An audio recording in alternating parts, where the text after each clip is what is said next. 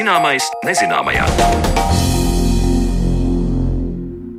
Esiet sveicināti raidījumā Zināmais nezināmajā. Ar jums kopā esmu es Sandra Kropa, un šodien mēs runāsim par pasauli mums apkārt un konkrētāk par to, kā pēta skaņu.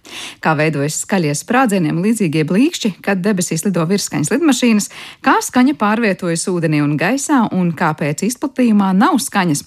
Par un ap skaņu pasauli tad mūsu raidījuma otrajā daļā. Pirms tam aicinu iepazīt skaņas mūsu valodā no mūsu arhīvu stāsta. Specifiskas skaņas sastopamas ikvienā valodā, un reti tās kļūst par klupšanas akmeni valodu apgūstot, un tās arī atmasko, ja konkrētā valoda cilvēkam nav dzimtā. Vai dažādās skaņas nozīmē arī to, ka cilvēki pašu skaņu veido anatomiski atšķirīgi, par to Marionas Baltkalnas arhīvs stāstā. Kaut kur degunā, kaut kur rīklē, tuvu pie lūpām. Šādus apzīmējumus visticamāk daudzi būs lietojuši, raksturojot skaņas atšķirīgām valodām. Daudzveidība valodu un skaņu pasaulē patiešām ir iespaidīga, bet vai tas kaut kādā mērā nozīmē arī to, ka skaņas anatomija būtu dažāda? Atālinātā sarunā tikos ar filoloģijas doktoru, vadošo pētnieku Latviešu valodas institūtā Juri Grigorjevu, kurš skaidroja gan skaņas veidošanās principu, gan to, kāds vecums ir robežlīnija veiksmīgai valodas apguvēji tālākajā dzīvē. Tālāk stāsta Juris Grigorjevs elpošanas sistēma rada enerģijas pamatu un, teiksim tā, runas orgāni, kas nav īsti pat runas orgāni, tie ir mūsu orgāni, ko mēs izmantojam runai, bet arī izmantojam tajā pašā laikā pārtiks sakošļāšanai un transportam. Ja? Tātad tie modificē šo gaisa plūsmu. Skaņa kā tāda ir svārstības, gaisa svārstības un attiecīgi mēs šo gaisa plūsmu iesvārstām ar runas orgāniem. Ja. Tad sanāk, ka šī elpa dod tādu pamatu, atspēriena punktu, bet tālāk tajā visā iesaistās mute, lūpas un rīkle, deguna dobums, mutes dobums. Jā. Tie pamat rezonatori ir mutes dobums un deguna dobums. Jo tie citi, teiksim, dobumi galvā, galvas kausā, tie nenosaka skaņas kvalitāti. Labi, tas būtu skaidrs, ja mēs runātu par tādu nu, vienkāršu skaņu, ko mēs velkam uz kāda viena burta, vai varbūt vispār bez burta, bet ir skaidrs, ka mēs šo skaņu pārvēršam valodā.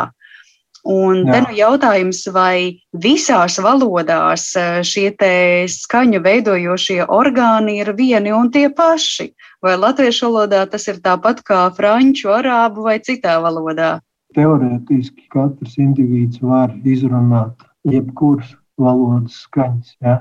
Cita lieta ir tā, vai mēs esam iemācījušies, apguvuši šo izrunu. Respektīvi, ja mēs vienkāršot to mēģinātu pateikt, aparāts mums ir iedots visiem viens un tas pats. Mūsu prasmes lietot šo aparātu atšķiras atkarībā no pieredzes, un šī pamatpieredze veidojas pirmo divu dzīves gadu laikā. Kad ja nekādu bāzi neieliek, tad uh, ir apgrūtināta kaut kā mācīšanās vēlāk. Teiksim, ja bērns tajā periodā nu, vai nu mācās tur kaut ko darīt ar rokām, kājām, vai arī ar, tāpat ar muti radot skaņas, ja, tad viņš iegūst šīs pamatiemaņas. Jūs jau arī teicāt, nu, ka mēs visi cilvēki esam vienādi un ka mums anatomija visi ir vienāda. Bet tajā pašā laikā nu, mēs zinām, ka piemēram arābu vai eh, nīderlandiešu valodā ļoti daudz nāk līdzi šī kakla sajūta ja, vai kakla skaņa. Tāpat arī, piemēram, franču vai kādā citā valodā ir mazliet šī nazālā pieskaņa un vācu valodā ir specifisks burts R. Aparāts ir viens, bet lietojumi ir dažādi. Latviešu valodas skaņu sistēma ir atšķirīga no citu valodu skaņu sistēmām. Mums nav ne šo te trīklas skaņu, ja R, tas franču un vācu ir tā lipiņa, kas mums rīklē karājas, ja ūka saucamā. Tā ir tā, kas rada vibrācijas tajā brīdī. Tā kā mēs izrunājam R ar mēles galu, tā viņi izrunā to ar šo te ūkas iesvārstīšanu, kas rada vibrācijas. Tātad, mācoties svešvalodas, nemainās mūsu anatomija, bet mainās paņēmieni, kā skaņas tiek izrunātas. Valodu apguves kontekstā vēlreiz jāatgādina Jura Grigorjeva sacītais, ka pamatiemaņas attiecībā pret kādu valodu attīstās pirmo divu dzīves gadu laikā. To, kas nav ielikt šajā periodā, pēc tam attīstīt ir grūtāk. Tāpēc, jo vēlāk dzīves gaitā mācāmies valodas, jo sarežģītāk tas varētu būt. Būtiska ietekme ir arī videi, kurā notiek valodu apguve. Starp citu, vēstures gaitā sakrājies daudz stāstu par tā saucamo maugļa fenomenu, kad bērns uzaudzis dzīvnieku barā un tas ietekmējis arī tā valodas attīstību. Vēsturnieki un pētnieki uzskata, ka 19. gadsimtā Indijā atrastais zēns vilks vārdā Dina Saničars, kurš atrašanās brīdī spējas izdvest tikai dobjas rīkles skaņas, bijis prototyps Radjārda Kiplinga džungļu grāmatas mauglim. Videi ir loma arī bilingvālās ģimenēs, kur bērns dzird un apgūst divas valodas. Nu, ja viņš atdarina, pieņemsim to pašu, ja viņš viņu dzird jau no bērnības, un viņš viņu sāk atdarināt no ģimenēs, kur vecāki runā katrs savā valodā, ja, Un tad es iedomājos atkal tādiem eh, bilingvāliem bērniem, kuriem tas viss nāk no uh, mazotnes, uh, analoģija tādā pieaugušo vecumā varētu būt, nu, kad cilvēks aizbrauc ilglaicīgi un dzīvo tajā vidē, kur, piemēram, vācu valoda vai franču valoda ir dzimtā valoda, un viņš tur ir spiests ilgu laiku arī savus, nu, skaņu veidojošos orgānus ielāgot tam, kā šī skaņa tiek veidota Francijā vai Vācijā, un ar laiku viņš tiešām sāk runāt bez akcentu. Tas būs ļoti atkarīgs no cilvēka nu, teiksim, iedzimtā talanta, muzikālās dzirdes un citām lietām. Ja. Teiksim, no cilvēkiem, kas ir pieaugušā vecumā un apguvuši to tā, lai runātu bez akcenta, šādus cilvēkus zinu pavisam nedaudz. Un, teiksim, cilvēki, kas aizbrauca kara pēckara laikā, tie, kas teiksim, emigrēja tādā pieaugušā vecumā, 30, 40 un vairāk gadu vecumā. Ja? Tie jau faktiski tās svešvalodas apgūst diezgan švaki. Salīdzinot ar tiem, kas aizbrauca, pieņemsim, pusauģu vecumā vai kā mazi bērni. Man pat arī fonētiķim būdamam, ja, teiksim, es zinu, kā tās skaņas ir jāizrunā. Es varu viņas izrunāt tad, kad es piedomāju. Ja.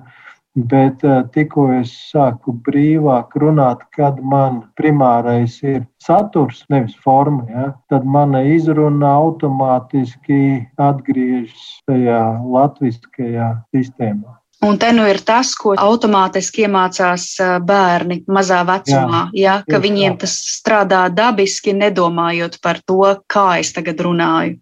Jā, jā. Mm. jo vairāk valodām mēs esam teiksim, pakļauti tajā agrīnajā bērnībā, jo plašāka mums šī izrunājamo skaņu sistēma veidojas dabiskā ceļā.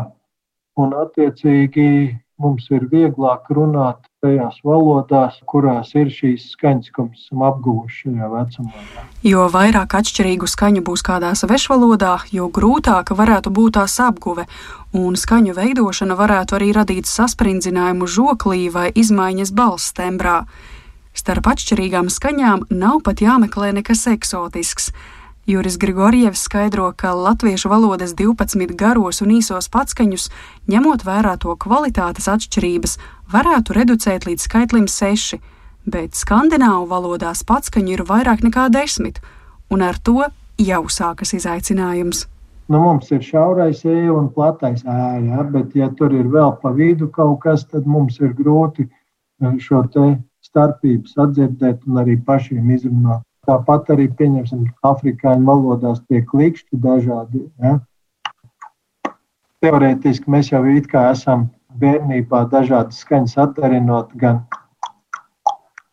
vai vēl kaut ko klikšķis taisījuši. Ja? Bet kā valodas skaņas viņas izmantot, tur būtu ļoti jāpiepūst. Tāpat, pieņemsim, ja mēs skatāmies uz uh, austrumnieku, ķīniešu, vietnamiešu valodām, kur ir svarīgs tonis, tonālā modulācija, ja, kur teiksim, viena zilbe, ma, var apzīmēt tādas 5, 6 dažādas lietas atkarībā no kā viņu mā, mā, mā un, un citādāk izrunā. Ja.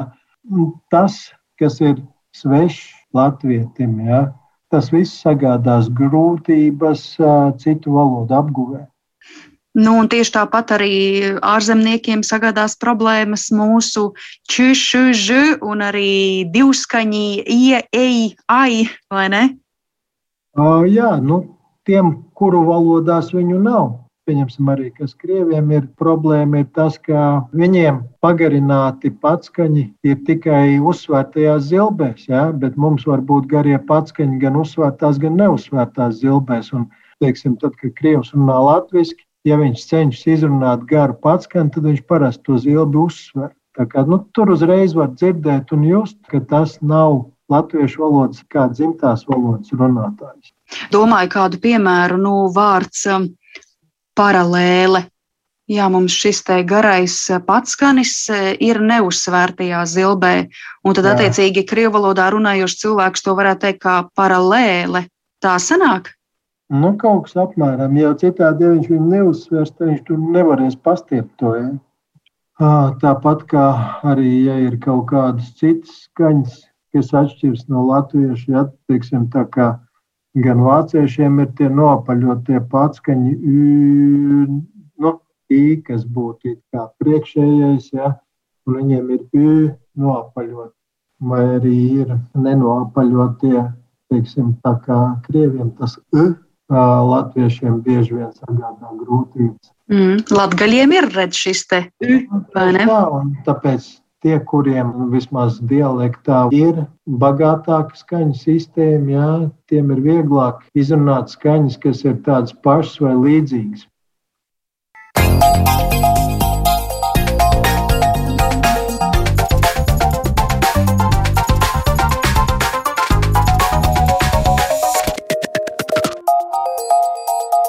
Zināmais nezināmajā. Skaņa ir mums līdzās ik uz soļa, taču ikdienā tik maz piedomājam pie tā, kāpēc apkārtējā pasaule skan tā, kā tā skan. Vasaras sākumā stendes pagastā un tuvējā apkaimē dzirdēja sprādzienam līdzīgus trokšņus, kurus radīja virsskaņas lidojumu. Tad nu šoreiz raidījumu esam veltījuši skaņas fizikai un skaidrosim, kā skaņa uzvedas, kāpēc rodas šādi trokšņi, ko zinām un kas ar vienu vēl ir nezināms par skaņas veidošanos. Un par to visu sarunu esam aicinājuši Valdi Zuteru. Valdis ir Tukumraiņa valsts gimnāzijas fizikas skolotājs. Sveiks, Valdi! Sveika! Jā, tu parasti ierodies studijā, tad, kad mums ir jāskaidro kādi fenomeni, kas ir uh, dzirdēti, redzēti vai kā citādi piedzīvot, un tad un to fizikas skaidrojumu tu sniedz, kas to veido. Kas bija par pamatu šim gadījumam, par ko es tikko minēju? Tad, tad bija liels troksnis, daudz cilvēku domāja, ka ir sprādziens, beig beigās izrādījās, ka sprādziena nav, bet tā bija uh, lidmašīna. Jā, tad eh, man īstenībā priecē, ka šādi notikumi ir, jo tad uh, cilvēki tā vairāk pievērš tai fizikai un tiešām grib to skaidrojumu iegūt. Tas īstenībā liecina par to, ka cilvēkiem tiešām interesē fizika, un tas ir viens no tādiem, ko var likt, nu, kāpēc tad ir jāmācās fizika, un rekur, oh, tad ir iemesls, lai cilvēki varbūt lieki nesatrauktos. Un, protams, ka, lai izskaidrotu, kāpēc ir tāds nu, sprādziens, un īstenībā kaut kādā ziņā droši vien to var arī saukt par sprādzienu. Ja, jautājums, ko mēs uzskatām par, par sprādzienu, jo tā, tā skaņa ir tā kā sprādzienam. Tur ir jāsaprot tā, tā pamatlietas par, par skaņu. Ja, un, un, un skaņa tā tad uh, ir, ir kaut kādas svārstības. Un, uh, un tāds nu, visvienkāršākais, kad parasti runā par skaņu, tad cilvēki iedomājās nu, kaut kādu vilni, tas ir uz ūdens. Nu, kad cilvēkiem uh, vai vajag iedomāties vilni, mēs kaut ko iemetam ūdenī. Un uh, tad uz visām pusēm koncentriski riņķi izplatās uh, viļņu virsotnes, uh, un ar, ar skaņu līdzīgi mums ir kāds skaņas avots, un ap to uh, avotu tātad šie viļņi izplatās telpā, un kādā brīdī nonāk līdz mūsu ausīm, un tad mēs sadzirdam, sadzirdam šo te, uh, skaņu. Un, jā, tad, ja mēs salīdzinām ar šo iemešanu ūdenī, tad mēs kaut ko iemetam, tas tur svārstās, un tie riņķi tā koncentriski iet uz visām pusēm tā kā vienādi. Bet tiklīdz šis avots, kas izstaro šos viļņus, un, un lidmašīnas gadījumā šos skaņas viļņus, ja tas sāk kustēties, tad lietas sāk nedaudz mainīties. Un to mēs varam tā kā pamazām iedomāties. Ja tā lidmašīna uh, lido mūsu virzienā tad, un izstaro šos viļņus, tad tad uh, priekšā stāvoša viņa kā, tos viļņus sāk ķert pati, ko izstaro. Un līdz ar to uh, sanāk tā, ka, ja lidmašīna lido un izstaro viļņus, ja, tad, tad uh, pamazām ķerot, ķerot, nu, tad uh, tā situācija gan priekšā lidmašīnai, gan, gan aizmugurē, gan sānos sāk mainīties. Un tajā brīdī, uh, kad tā lidmašīna noķer to savu vilni katru reizi, kad to izstaro, jeb nu, sasniedz šo skaņas ātrumu, principā tajā brīdī, kad izturot, tad tas vilnis pat paliek. Tad īsnībā uh, saka, ka šie tiek, tiek pārsniegta šī skaņas barjera. Nu, tur reāli nav barjeras, bet, bet uh, tajā brīdī tā skaņa tā kā vairs uz priekšu netiek sūtīta, ja, jo nu, lidmašīna lido ātrāk nekā viņas priekšu var to skaņu izsūtīt. Tad mēs sakām, ir tā virsskaņa. Ja? Jā, tad, tad uh, lidmašīna šo skaņas ātrumu pārsniedz, un tā skaņa tā kā tiek koncentrēta aizmugurē un, jo tādā konusā. Tā kā būtībā izējas cauri tai skaņas robežai nosacītajai, un tā skaņa paliek aiz tevis.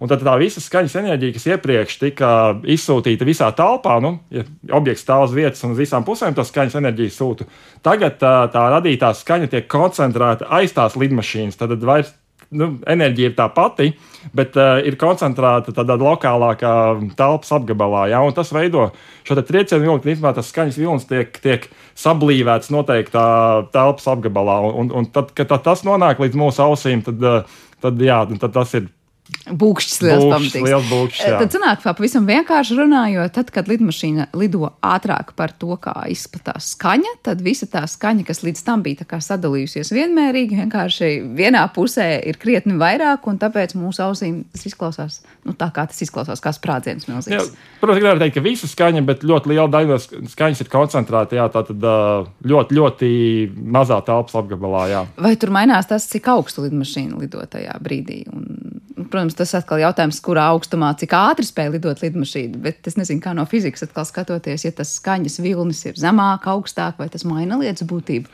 Nu, protams, ja mēs skatāmies uz to, ka nu, skaņa tad ir viļņi, ja, kā jau es minēju, un viļņu fizika, un tad uh, mums jau, protams, ka zinot, uh, ka šādi uh, triecienu viļņi ir, tad uh, mums ir jādomā, kā no tiem izvairīties. Un tur arī ir, ir nu, uh, saistība ar šo augstumu, jo viņi jau izplatoties zaudē savu enerģiju pamazām.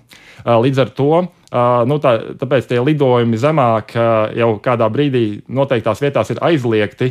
Tieši tāpēc, lai, lai tas triecienu vilnis nebūtu tik liels, jo tagad, tas augstāk, tad, protams, tā, tā, tā enerģija izplatoties, viņi iet nu, ar vien vairāk telpā. Ja, tad, ja mums ir skaņas avots, jo tālāk tā enerģija telpā aiziet, eh, jo vairāk tā izkliedējās. To, jo augstāk tā lidmašīna ir, jo tas rēcienu ilgs, protams, būs mazāks. Un līdz ar to mūsu auss tiks eh, nedaudz, nedaudz patal, pataupīta. Jā.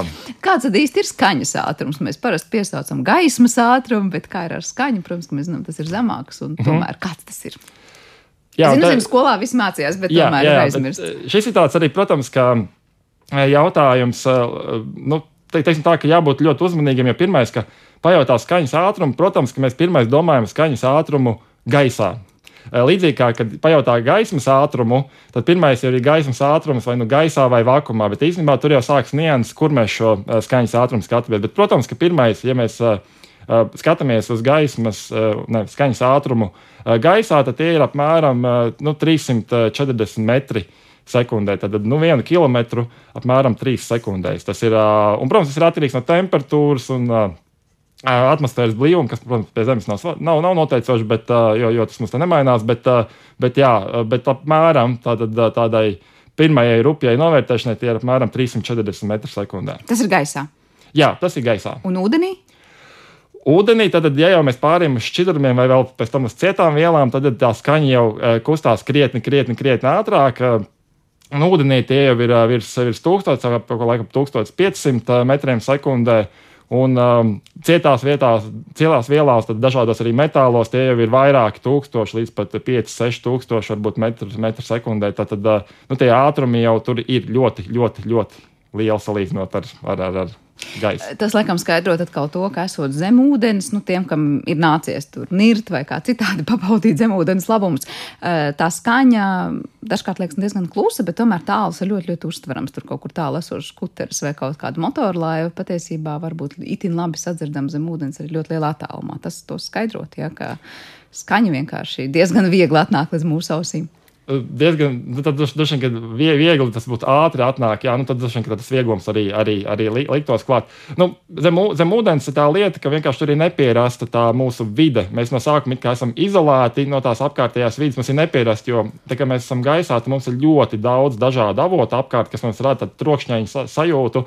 mēs pie tā esam pieraduši. Īstenībā, tā, kad mēs esam izolēti, Uh, tad uh, mums īstenībā ir ļoti dīvains sajūts, un, ja grib kā traku padarīt, tad vajag ielikt telpā, kurā vispār nav skaņa. Ja? Tas ir viens no veidiem, kā cilvēku padarīt. Nu, spīdzināt, man liekas, spīdzināt, arī, jā, spīdzināt var. Uh, un es domāju, ka tas pirmais, jā, ka tu esi citā vidē zem tā ūdens, tad tev ir visi tie, kas tev ir aizsarga līdzekļi, tev izolē to skaņu, bet tad, kad tu jau sāc pierast, ja, tad jau tu sāc saklausīt, un, protams, ka dēļ tā, ka šī skaņa tik ātri pārvietojās, tad var sadzirdēt kaut kādas nianses, to, ko droši vien gaisā, gaisā nesadzirdētu. Par izplatījumu runājot, atkal pavisam cita vide. Tur sakam, tur skaņas nav un nevar būt. Jā, jo, lai izplatītos skaņa, mums ir vajadzīga vide, kurā šī skaņa izplatās. Vai tā ir gāze, vai tas ir kaut kas šķidrs, vai tā ir cieta viela. Un, jā, nu, izplatījumā tur nekā nav. Līdz ar to jā, skaņa, skaņa īsti nevar izplatīties, un tāpēc tā tur vienkārši nav. Tad tam vilnim nav nekur ieskrieties, ne pret ko atsisties, un tur vispār ne, nav kur veidoties. Nav kur sākt veidoties, jā. Tad, tad šīs svārstības, lai notiktu svārstības, lai rastos vilnis, ir jābūt videi, kurā tas notiek, un, un attiecīgi, jā, tur tādas nav, līdz ar to nevar. Nav arī skaņas. Vēl viena parādība, par kuru noteikti gribētu jūs parunāt, ir atbalsts. Es domāju, ka katrs eh, jau bērnībā ir fascinējies ar to, cik ļoti interesanti ir, ka tu pasaki kaut ko un atbalsts nāk atpakaļ. Eh, kā īsti no fizikas viedokļa skatoties, tā veidojas un kas tur ir interesants fiziķa acīm skatoties vai ausīm klausoties? Tad uh, pirmais, kas man nāk prātā, runājot par atbalstu, ir uh, kaut kāda pamatskolas laika, kad uh, ir, ir demonstrēts kaut kur aizbraucot kādās ekskursijās pie, pie biegt pie klintīm, ka tā, nu, atsegumiem, ka, ka var sadzirdēt šo atbalstu, un tad ir jautājums, nu, kurā brīdī tad īsti atbalstu, atbalstu sadzird. Ja? Jo, nu, skaņa, kā jau, kā jau vairāk kārt minēts, tas ir vilnis, tad tas, tas atstarojās. Līdz ar to, ja mēs kaut ko pasakām, tad tā skaņa aiziet līdz kādai sienai vai, vai, vai virsmai, astarojās un nonāk apkaļ mūsu ausī. Bet uh, nav tā, ka mēs ikdienā telpā runājot, visu laiku dzirdam savu atbalstu. Ja? Nu, tas parasti notiek tad, ja tā ir kaut kāda gara, gara vai liela telpa, tad mēs sākam sadzirdēt. Un tad ir jautājums, kurā brīdī tas notiek. Un izrādās, ka tur ir, ir, ir laiks, ja? cik ir jābūt tai nobi, nobīdēji starp to, ka tu pasaki, un tev tā paša pateiktā skaņa atnāk, lai tu sāktu sadzirdēt, uh, ka tā tiešām ir atbalsts. Ja? Līdz ar to, ja tu esi no kaut kādas virsmas un attālinies, tad tu vienā no sākuma nedzirdi šo atbalstu. Un tad, ejot ar vien tālāk, tad, kad nonāk šis laiks, kas ir apmēram desmitdaļa sekunde, ko tu pasaki, ja tā nobīde ir, ir tik liela vai lielāka, tad tu sāc jau dzirdēt to kā atbalstu, un tas īstenībā nu, noteiktos brīžos sāk jau traucēt, un tu vairs arī pats vari nesaprast, ko tu, ko, ko tu saki. Tas atgādina arī situācijas, kad eh, kaut vai runājot pa telefonu, ja citkārt veidojas šī sajūta, ka tu dzirdi Jā. pats savu balsu ar nelielu nobīdi, un tad, liekas, ir pavisam grūti pateikt tos vārdus tālāk, ko gribēju teikt. Bet šeit, šeit vienkārši ļoti interesants atgadījums, uh, uh, ar, kas, ir, kas ir no, no, no sadzīves, kā man tā, tāvam gadījās, viņš, es neteikšu, kam viņš zvanīja, lai nebūtu personāži tik atpazīstami, bet, bet viņš zvanīja. Un, un tas cilvēks, kam viņš zvanīja, atradās ļoti lielā telpā, nu, garā, garā telpā. Un, un cilvēkam tajā brīdī bija tā, ka nu, bija daudz darba un nebija labākais garstāvoklis. Un, protams, ka tu redzi, ka tev vēl kāds zvana, tad tu pasaki visu, ko tu domā par to cilvēku, kas zvana, vai, vai, vai, vai, vai vispār ko tu domā. Un, un protams, tajā brīdī, kad Eh, tika, eh, kad tika pacelts telefons, tad uh, pēc tam tā, tās pirmais, ko viņš dzirdēja, ir tas, ko šis cilvēks pateica pirms tam, jo tā skaņa aizgāja uz vienu telpas galu un nāca apakaļ tieši. Jā, tā, kā, jā. tā kā jābūt uzmanīgiem jā. un jāzina fizika. Brīdī, atrodamies garās telpās, mums zvana telefons un gribam pateikt kaut ko, ko zvanītājs labāk, lai nedzirdētu. Jā. Bet par tām telpām vēl runājot, nu vienalga vai iekštelpām vai esot dabā, tad, tad kuras būs tās, kas to atbalstu izteiktāku radīs un no kā būs atkarīgs tā, tas, cik ļoti mēs tur reizi dzirdēsim to vārdu vai skaņu nākam atpakaļ.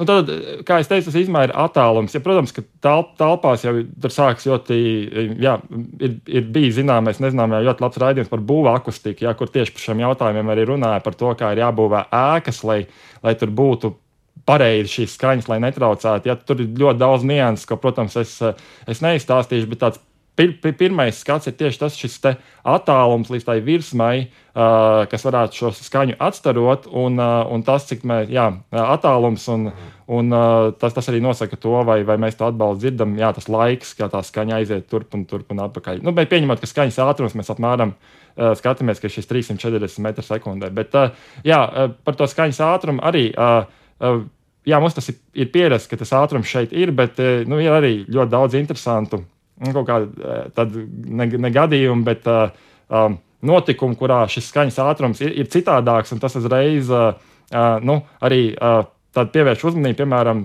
2012. gadā, man liekas, tas bija 2012. gada, desmit gadu atpakaļ, bija slavens uh, brīvais, nu, brīvais leciens, Baumgartners uh, leca no, no liela augstuma. Un uh, viens no rekordiem, ko viņš pārspēja, bija, ka viņš uh, sasniedz skaņas ātrumu, nu, kustībā, kustībā brīvajā kritienā sasniedz skaņas ātrumu. Un pirmais, ja, ja tā pasaka, tad šķiet, ka nu, tad, tad viņš sasniedz šos 340 metrus sekundē. Bet, uh, bet izrādās, ka viņš lec no ļoti liela augstuma. Tur pirmkārt temperatūra ir zemāka.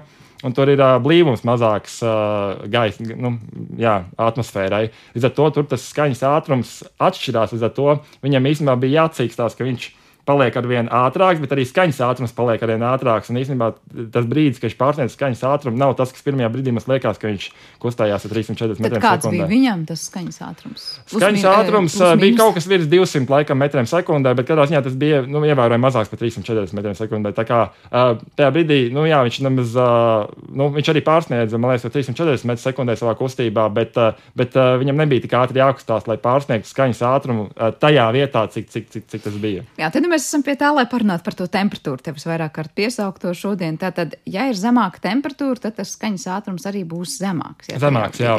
Uh, tur atkal kāds ir tas fizikas skaidrojums, tāpēc, ka tā vide, kurā izplatīties, ir uzreiz citādāka. Uh -huh. uh, Droši vien, ka tad uh, ir. Um, jāpievērš uzmanība tam, kā tad vispār skaņa un kā viļņi, viļņi izplatās. Jā, kāpēc tad, uh, tas vilnis vispār izplatās. Un, un te droši vien, ka uh, man šķiet, nu vismaz man, bet katram ir vienkāršāk saprast, uh, es uh, varētu sākt ar. Uh, ar vilni, ko taisa spo, sporta, sporta pasākumos, skatītāji, vai vienalga sporta, bet jebkādos pasākumos, kad skatītāji ceļās kājās un tas vilnis, vilnis aiziet, aiziet pa skatītājiem. Tad, tad Tad, kad tu redzi, ka tev nāk, tu piecelies, apsaidies, un tas vilnis aiziet tālāk. Tu pats nekur neesi aizgājis, bet, bet tas vilnis, tā enerģija ir, ir aizgājis. Un, un tas ir viens no veidiem, kā vilnis var izplatīties.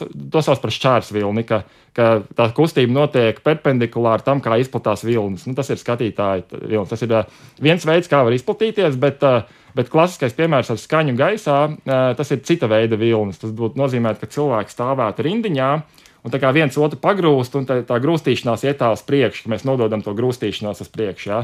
Uh, skaņa var izplatīties abos veidos, uh, bet uh, nu, tās pierastākā ir tas, ka mums ir, ir, ir gaisā ir šīs garanvilnas, ka tās molekulas vai, vai atomi, nu, daļiņas grūžās viena otrai virsū un tādā veidā šo skaņu izplata. Un, un, protams, ka tas, kas nu, temperatūra, tas, ko raksturo, ir tas, ar kādu ātrumu šīs daļiņas kustās, nu, viņa haotiskā kustība kāda ir. Un to, protams, ja ja šīs daļiņas kustās uh, ātrāk, šī temperatūra ir augstāka, tad viņas operatīvāk var uh, nodot to enerģiju tālāk uh, nāk, nākamajai daļiņai, un līdz ar to arī uh, tā skaņa, skaņa izplatās ātrāk. Un tad, kad jau mēs nonākam līdz, uh, līdz šķidrumiem un cietām vielām, kur tā, uh, tad, tas miedarbības spēks ar daļiņām ir lielāks, tās turās stingrāk kopā, uh, tad uzreiz arī var ātrāk nodot, nodot to enerģiju vienotrai, lai to tā skaņa izplatās vēl ātrāk. Un to mēs arī varam ar to piemēru, analoģiju ar cilvēku rindu. Ja mēs tā stingrāk turām, turamies kopā, tik līdz es pagrūžu priekšējo, ja viņš stingri turās kopā ar nākamo, tad tas impulss ātrāk aiziet uz nākamo uh, cilvēku, un tad ātrāk var nodot to signālu. Ja, ja mēs tur tā švaki turamies kopā, tad tur vienu pagrūž, un tas pagrūž otru, un tā ļoti lēni aiziet. Un līdzīgi tas analoģiski, uh, ļoti vienkāršot, kā tas notiek arī, arī ar skaņu. Tajos gadījumos, kad mēs sakām slāpēt skaņu, vai ir visas šīs skaņas, eh, slāpējošās sienas, vai, vai apstādījumi, citas būvis, Kā tur sanāk, mēs patiesībā radām šķērsli tam vilnim, lai tas neizplatītos tālāk un nesasniegtu, piemēram, mūsu ausis tik ļoti daudz aiz tā šķēršļa, nu, piemēram, tā ir kaut kāda šoseja, kuras malā ir šīs skaņu slāpējošās sienas. Uh, skaņa jau izplatās, jebkurā gadījumā tā vienkārši tiek tā kā, nu, mazināta tikko tas ir konkrēts šķērslis, kur tālāk tam vilnim nu, neizplatīties, tā var teikt. Uh mhm. -huh. Jā, tad, tad uh, ar skaņas slāpēšanu tad ir izplatās šī enerģija, izplatās šis vilnis, līdz ar to mums kaut kādā veidā, ja mēs negribam, lai tas izplatās, mums ir jārada uh, kaut kāda veida barjera. Mēs varam vienkārši pielikt materiālu, kurš ļoti vāji eh, šo, šo vilni eh, nodot tālāk. Eh, tas, protams, ir, ir viens veids, un tas ir arī, arī ko izmanto mm, šajās izolācijās skaņas. Bet, bet man uzreiz arī nāk prātā, arī redzot, ka mēs austiņas šobrīd velkam skaņas austiņas, ka arī ir, ir viens šis veids, ka mēs varam pasīvi nodrošināt to, ka skaņa tiek izolēta. Tātad mēs vienkārši mums ir uh, viss ļoti stingri. Uh, nu, kā, jā, šeit austiņš ļoti stingri, ir materiāls biezs, līdz ar to mēs nedzirdam, kas notiek ārpusē.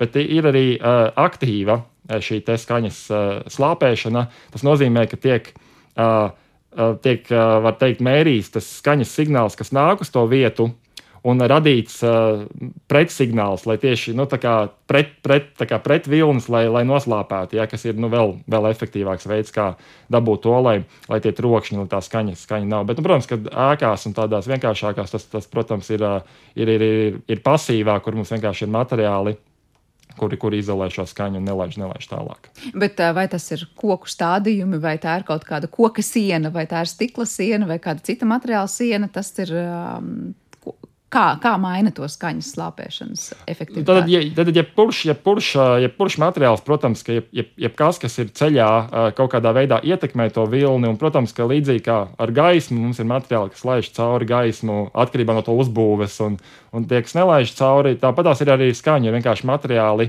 kuri, kur uzbūve ir tāda, ka viņas to skaņas skaņas vilna reaģē tā, ka viņi ļoti viegli to padod tālāk. Vienkārši ir materiāli, kas to kas, kas ko nedod. Nu, tā ļoti, ļoti vienkārši. Kur jā. ir tie labākie slāpētāji?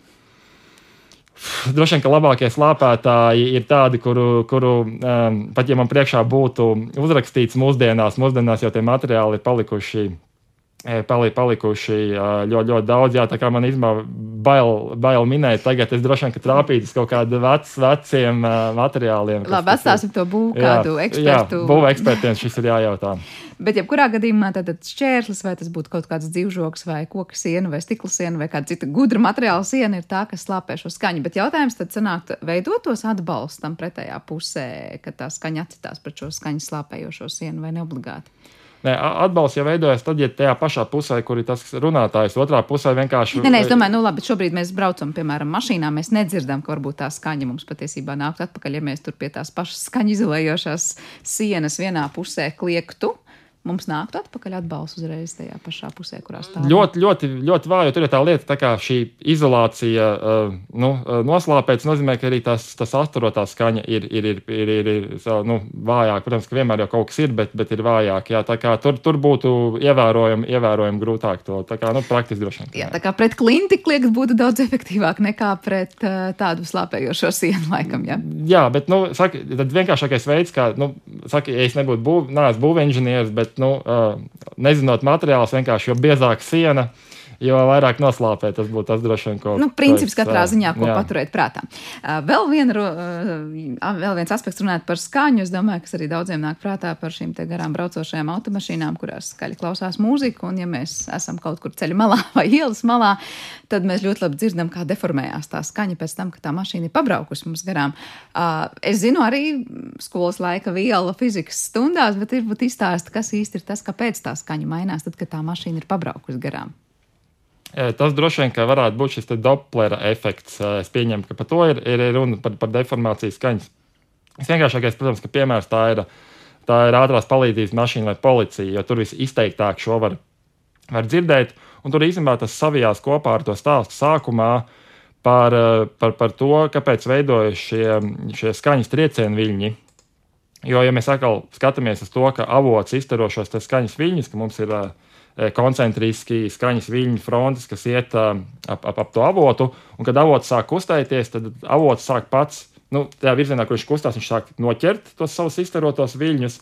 Līdz ar to attālums starp to izstaroto viļņu nu, frontēm samazinās, bet otrā pusē palielinās. Tas nozīmē, ka, ka mainās šī skaņas frekvence. Ja? Nu, frekvence tas ir cik reizes noteiktā laika intervālā, tad, tad noteikti cik svārstības notiek. Nu, parasti to, to uh, biežāk skatās sekundē, līdz ar to tie ir uh, tie herci mērvienība, ja tad cik reizes sekundē notiek svārstības. Un tad, ja tas skaņas avots kustās, kustās uz priekšu tad, un ķer to savu skaņu, tad, tad tas, kas ir priekšā viņam, tad, tad viņš sadzird tos viļņus, ko viņš ir pats noķēris. Tad tās fronts ir tuvāk un tā frekvence ir augstāka. Mēs redzam, augstāk. Tiklīdz mēs nonākam aizmugurē tam skaņas avotam, tad ir tas, sanāk, tas skaņas avots mūk projām no saviem viļņiem. Līdz ar to attālums starp šiem eh, viļņu virsotnēm palielinās, tā frekvence samazinās, un mēs dzirdam zemāku skaņu. Jā, tad, tad, tas ir, tas ir Doppler efekts. Un tas, ir, eh, jeb, nu, tas nav tikai skaņas viņiem, tas ir novērojams arī, arī gaismai. Un pēc tā mēs arī varam dažādas lietas noteikt, to, cik ātri kustās šis avots. Līdz ar to šīs zināšanas mums nodara, lai, lai noteiktu, kā, cik ātri zvaigznes kustās vai kāda objekta kosmosā prom no mums. Šis efekts ir plašāks kā tikai skaņai. Bet, protams, ka skaņai mēs to varam ļoti labi ar, savu ausi dzirdēt. Gaismai tā kustība, lai būtu tik ātri, ka mēs arī atcerētu novērtēt, nu, tur, tur mums vajadzīgi ir aparāti tik, tik precīzi, bet, bet, bet skaņai mēs to ļoti viegli varam izdarīt varam sadzirdēt ar, ar, ar savu pašu ausi. Vai skaņa kopumā ir tāds vieglāks pētījumu lauks fizikā, nu, salīdzinot ar gaismu vai ko citu?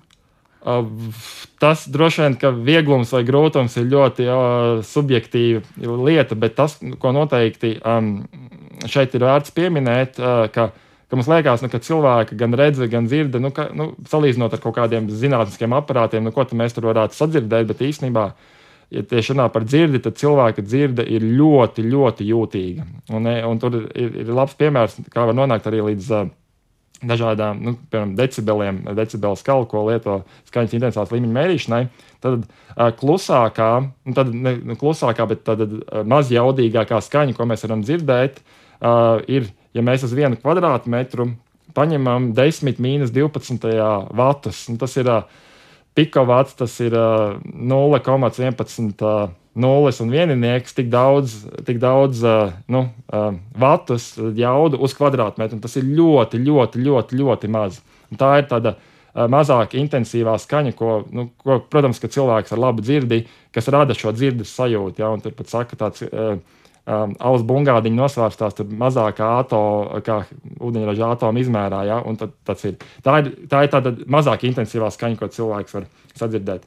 Intensīvākā jau ir viens vats uz kvadrātmetru, ja? kas ir viens ar 12 nulēm reižu vairāk. Uh, tad, tik ļoti plašs ir tas. Uh, nu, diapazons, kurā, kur, kur, kur, kas rada šo skaņas sajūtu. Protams, ka jaudīgāk, nu, tādas intensīvākas skaņas uh, vēl, vēl tur laikam kaut, kād, kaut kādu brīdi ir dzirdes sajūta, bet tad jau nu, paliek, paliek par sāpēm. Līdz ar to, ja mēs gribētu aprakstīt uh, ar šiem te nu, ierastajiem vati, kas mums ir zināms jauda uz kvadrātmetriem, tad mums būtu vajadzīgi milzīgi skaitļi, lai aprakstītu, uh, cik tā skaņa ir intensīva. Un tāpēc ir nonākts, un tā kā arī cilvēka dzirde nav lineāra, tas nozīmē, ka, ja mēs ieliekam divreiz vairāk intensitātes, tad jaudas kvadrātmetri nav, ka mēs dzirdam divreiz, divreiz um, skaļāk. Līdz ar to uh, tad ir ieviesta šī decibela skala, uh, logaritmiskā skala, uh, kurā mums ir šī atskaite. Tāpēc tas sauc par intensitātes līmeni, mums ir atskaite, ir tā, tā, tā mazāk intensīvā skaņa, ko cilvēks var dzirdēt.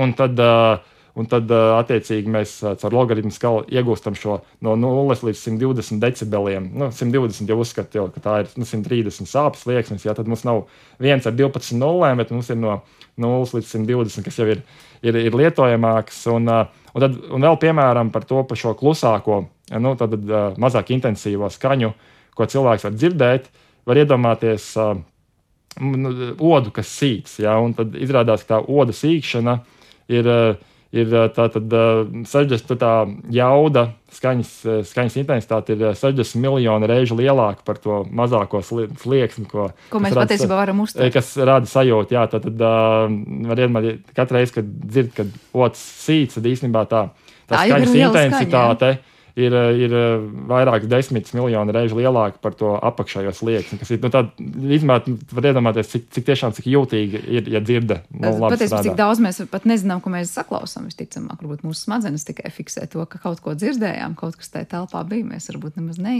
paši nepiefiksējam kaut kas tāds. Tāpēc ir smadzenes ir jātrenē. Tad, tad mēs, ja mēs gribam sadzirdēt, līdzīgi kā kad, kad, kad mūzika, ja, tad nu, ir, ir jau kaut kas, kas tur kaut ko dzird vai mākslā saskata vai nesaskata tas ir jātrenē, ir jābūt zināšanām, ko saklausīt, un tad jau var saklausīt. Jo um, instrumenti mums ir doti, lai, lai no pasaules ļoti daudz uztvērtu. Jā, tas mūsu uzdevums ir, ir apgūt šos instrumentus, uh, kas mums ir mērīšanas instrumentus un interpretēt tā, lai mēs dzirdētu, redzētu vairāk. Jā, bet šobrīd, ja tā padomā, uz ko virzās pasaule, ja tā var teikt, vairāk tā kā uz klusāk, klusāk, klusāk. Un es padomāju, gan infrastruktūrā mēs mēģinām tā, lai nav skaņu trokšņi. Arī, es domāju, tajā pašā militārajā jomā droši vien, ka labāk ir tas, kas klusāk spēj kaut ko izdarīt, jā, un pielidot vai, vai, vai kā, kā citādi pietuvoties. Uh, var teikt, ka šobrīd visa zinātne ir balstīta uz to, kā panākt, lai mēs varētu radīt vēl klusāku vidi.